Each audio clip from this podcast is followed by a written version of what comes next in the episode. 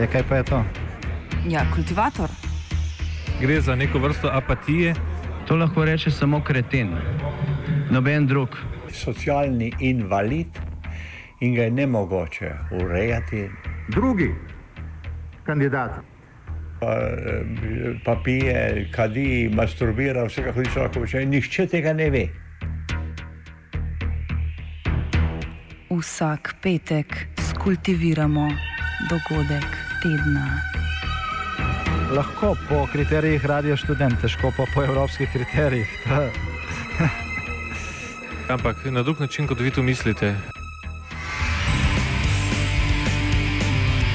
Kultivator vedno užge. Da pač nekdo sploh omenja probleme, ki so, in da pravzaprav sploh nekdo sproži dogajanje uh, v družbi. To drži, drži.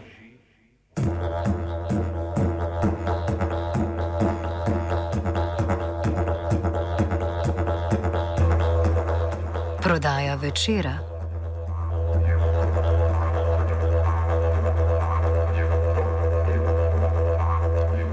Lastniško mešetarjenje na podalpskem medijskem področju se nadaljuje. Večinski lastnik Mariborskega dnevnika večer, podjetje Delo, je po več neuspelih poskusih in pretečenih petih letih prodalo 79,24 odstotni delež Mariborskega časnika podjetju Dober večer za po neuradnih ocenah nekaj več kot milijon evrov. Nadzorniki dela so se med štirimi ponudniki, poleg podjetja Dober večer, so se za nakup večinskega deleža zanimali še družba Salomon, podjetje Astraja Investicija 1 in agencija Odmev, odločili za podjetje, ki sta ga samo za namen nakupa večera ustanovila nekdani lobist Uroš Hakl in nekdani predsednik uprave T2 Sašo Todorovič.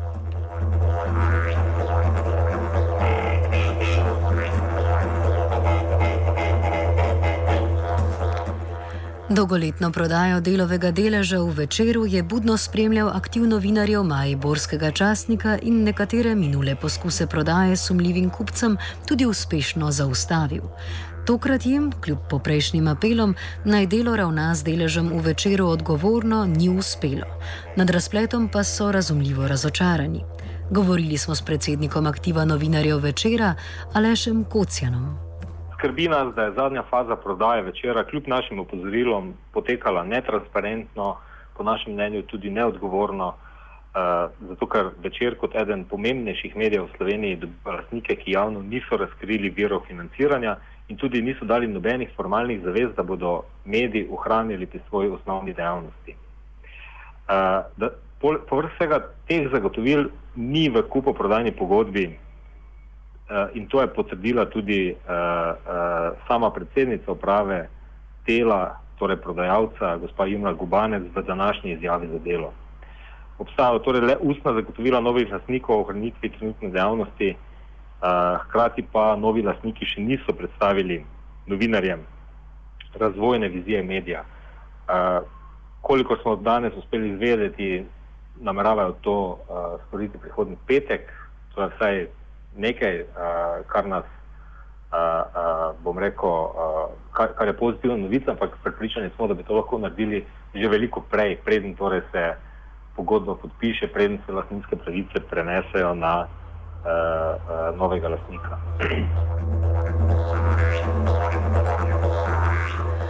Prodaja delovega lasniškega deleža v večeru intenzivno poteka že od leta 2009, ko je varuh konkurence delu zaradi presežene koncentracije na področju časopisnega in oglasnega trga naložil, da mora v letu dni prodati najmanj 75 odstotni delež v večeru. Kocijan ob tem spomni, da se je vse skupaj začelo že dobri dve leti poprej, ko je delo prevzelo večer brez ustreznih soglasij. Leta 2007 ali pa bilo 2008 kar precej časa že minilo, je delo uh, prevzelo večer brez soglasja uh, Ministrstva za kulturo in brez soglasja uh, takratnega urada za varstvo konkurence. Oba regulatorja sta ugotovila, da je bil prevzem izveden v skladu uh, nasprotju z uh, medijsko zakonodajo in konkurenčno zakonodajo. Pri tem je treba upozoriti, da uh, v vezi z uh, povečevanjem lastniških deležev v medijih pač obstajajo posebne določbe v slovenski zakonodaji, ki jo je treba spoštovati. In od takrat naprej je pač uh, uh, bilo delo v uh, prekršku, zato je tudi plačalo uh, nekaj pogodbenih kazni. Naloženo pa je bilo strani uh, regulatorja, to je uh, Urad za varstvo konkurence, današnje agencije za varstvo konkurence, naj te, uh, uh, to anomalijo odpravi tako, da odproda svoj delež. Ves ta čas je tudi delo imelo zamrznjene glasovalne pravice v, na skupščinah večera, kar pomeni, da ni moglo odločati o nekaterih strateških odločitvah oziroma z svojim kapitalom vplivati na nadaljni potek dogodkov v podjetju. Uh, tako da ta prodaja je bila uh, zapovedana oziroma zaukazana in uh, država je uh, samo čakala, da se uh, zgodi. Vmes je bilo par drugih poskusov prevzemov, ki smo jih novinari z pač medijskim pritiskom in z opozarjanjem na neustreznost uh, uh, lastnikov, ki so se pač pojavljali, uh, opozarjali in tudi uspeli morda preprečiti. Morda to, ni, ni, morda to nismo bili mi zato toliko zaslužni, uh, ampak imeli smo pač občutek, da smo na prave stvari, stvari upozarjali in da se na koncu te prodaje niso zgodile. Uh, no, v, tem, v tem primeru pa, uh, uh, pa pač nismo več, uh, niti nismo bili v stanju, da bi preprečevali lastniko uh, oziroma delo izvesti prodajo. Lasniške premike na domačem medijskem področju podrobno spremlja medijski strokovnjak Peter Sekloča.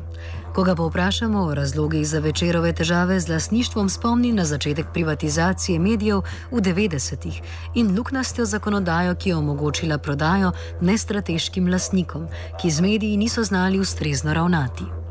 Že od začetka 90-ih let so se dogajale te anomalije na trgu se je zakon jih je delno reševal, ampak eh, je imel toliko luken, da, uh, da se recimo, uh, da se je to lastništvo lahko skrilo. To je recimo lep primer je na področju radijev. Potem seveda podoben primer je tudi na področju tiskanih medijev, časnikov. Zdaj nad tem bi sigurno Eh, potrebujemo novo zakonodajo in pa tudi uh, nikoli ni nihče ukrepal. Ne.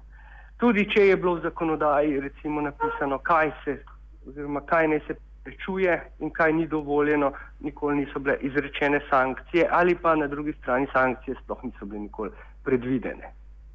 Veliko vlogo ima tukaj Ministrstvo za kulturo, ki bi lahko, in pa seveda strokovnjaki, ki bi lahko to to, ta nov uh, zakon nekako uh, že dal na plano, ne, ampak najbrž ga niti niso začeli grozno pisati.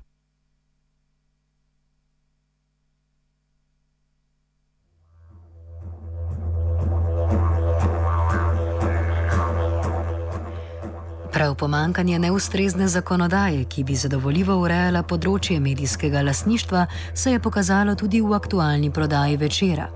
Podjetju Dober večer je, podobno kot tudi podjetju Astraeja, namreč pristojno ministrstvo za kulturo podalo potrebno soglasje za nakup mariborskega časnika.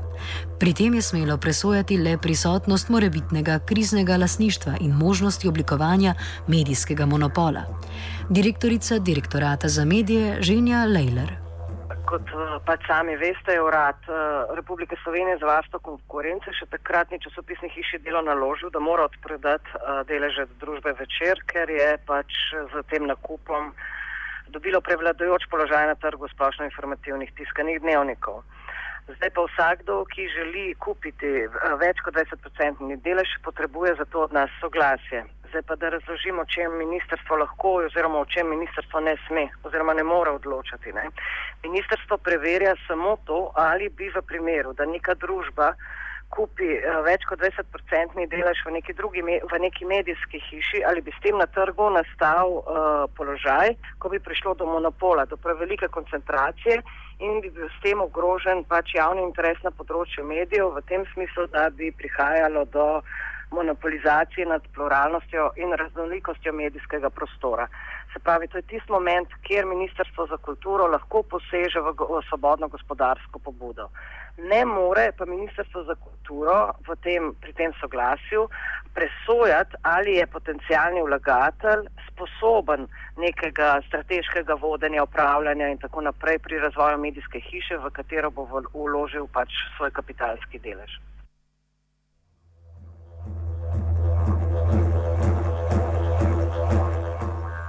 Še dokaj sveža izkušnja s podjetjem Delo Revijami, ki ga je neustrezen novi lastnik finančno izčrpal, zaposlene pa prihranil za zaslužene dohodke ter jih pahnil v negotov socialni položaj, je zakonska regulacija medijskega lasništva več kot nujna.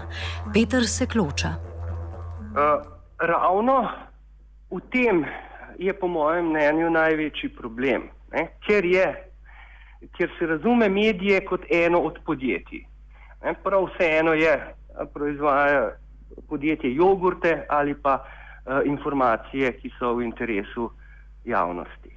In dokler ne bo zakonodaja tega upoštevala, ne, da, da svoboda govora ali pa svoboda komuniciranja ni, oziroma, ni podrejena, oziroma ne bi smela biti podrejena uh, svobodi podjetništva, zasebnega interesa, potem se bodo te anomalije dogajale, kakršen koli uh, bo zakon. Lahko bodo mal uh, umiljene, ampak uh, na koncu, kot uh, si omenil, Ministrstvo za kulturo nima pristojnosti. Seveda nima pristojnosti, zato ker uh, založniška hiša uh, oziroma časnik je tretiran kot podjetje. In s podjetjem se lahko dela karkoli si, si lastnik poželi.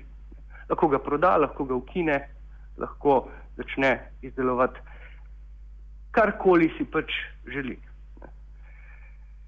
In uh, prihodnost jaz vidim v tem, da se mediji odprejo bralcem, javnosti, da se oblikujejo neke, uh, se ta beseda je že dost. Uh, ne bom rekel, ran zlorabljena, ampak zelo pogosto se omenjajo kooperative, zadružništvo, ampak mediji morajo pisati za bralce in bralci pač morajo imeti tudi vpliv na uredniško politiko, na vsebine.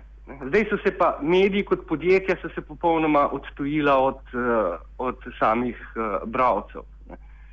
In tukaj mislim na bralce kot člane javnosti, ker vse druge, druge stvari se, se mi zdijo pač, recimo, rumeni tisk, zabava in tako naprej. To je, to je pač čist podjetniški uh, sektor.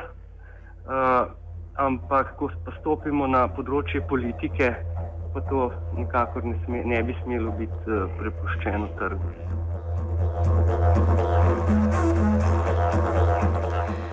Po zagotovilih Lejlerjeve na Ministrstvu za kulturo o ukrepih, ki bi preprečili medijske lasniške anomalije, že razmišljajo. Žal pozno, pred nami pa so še nove volitve, ki utegnejo spremeniti tudi kurs kulturne in posledično medijske politike. Uh, gotovo razmišljamo o uh, ukrepih, s katerimi bi morda država pač lahko vsaj deloma.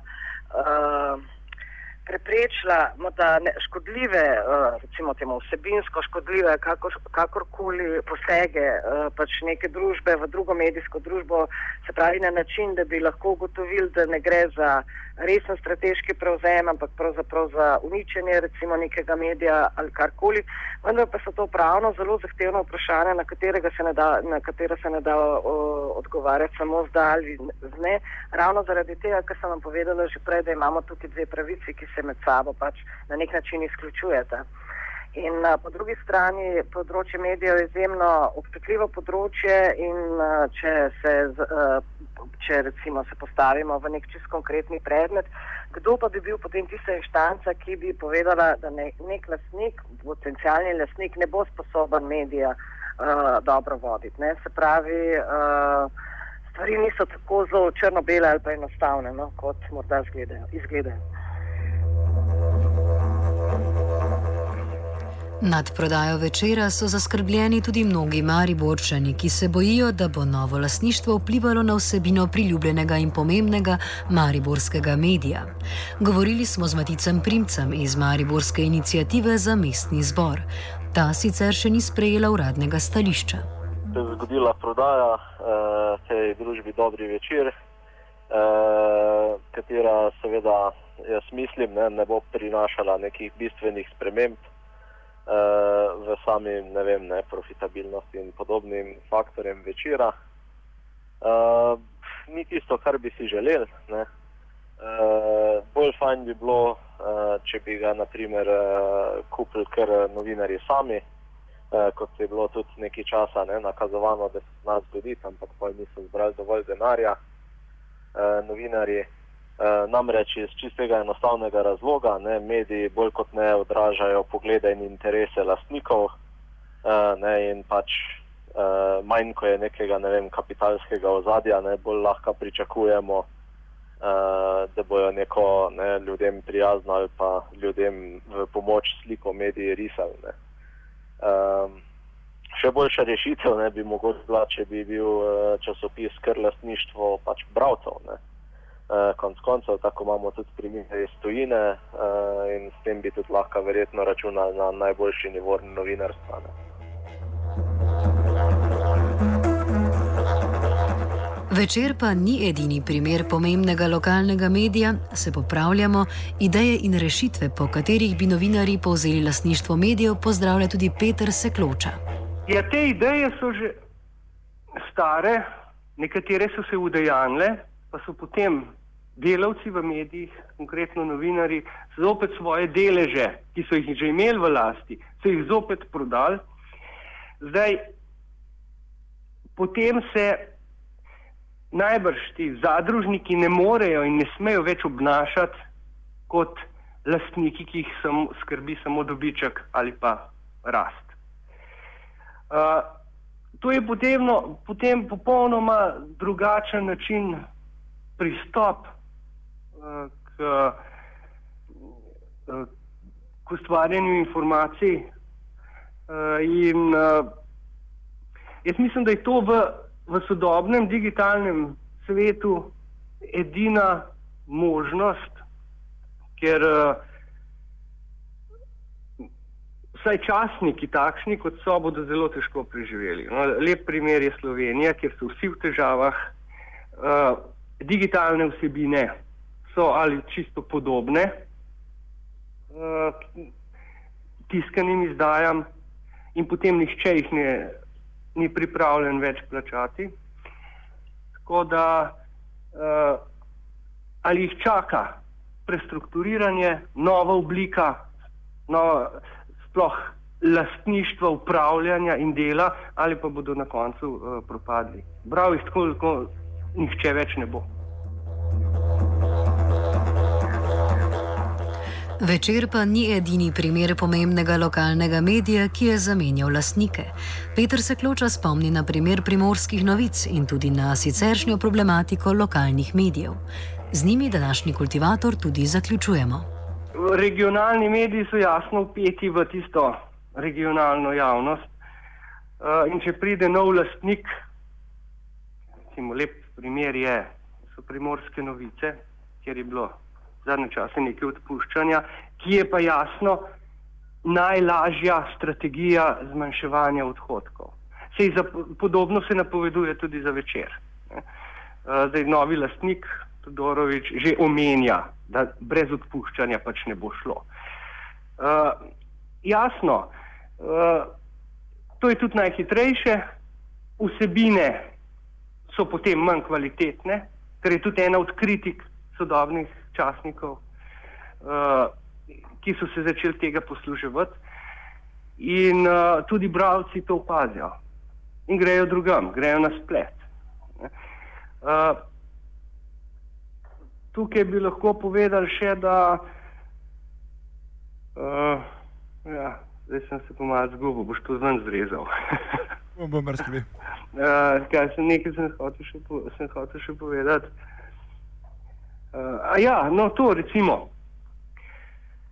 Samo odpuščanje ne, neposredno mora zadevati uh, kvaliteto vsebin. Ker kot so recimo mediji, ki, ki in zaposlujejo kreativno delo, to kreativno delo se enostavno ne more nadomeščati s kapitalom. In potem, če ne moremo namesto novinarjev aplicirati novih kapitalov, se pravi novega kapitala, se pravi strojev v takšni ali pa ne, softverski, hardverski obliki, potem moramo rezati zaposlene.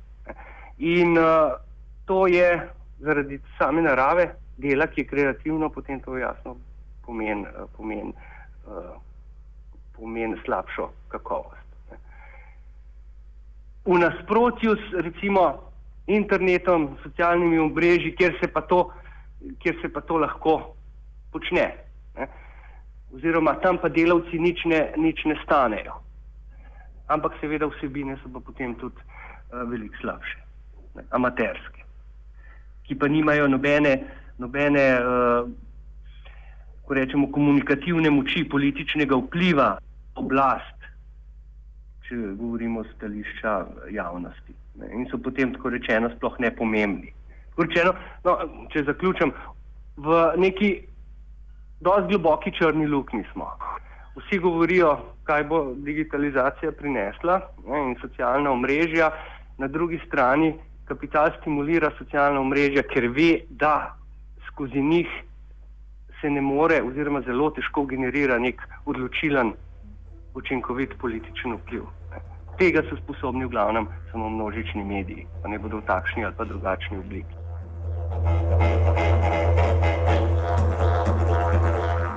Kultiviral je Nate Marcin.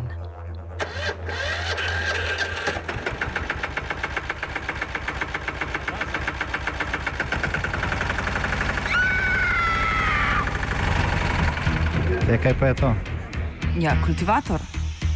Gre za neko vrsto apatije. To lahko reče samo kreten, noben drug.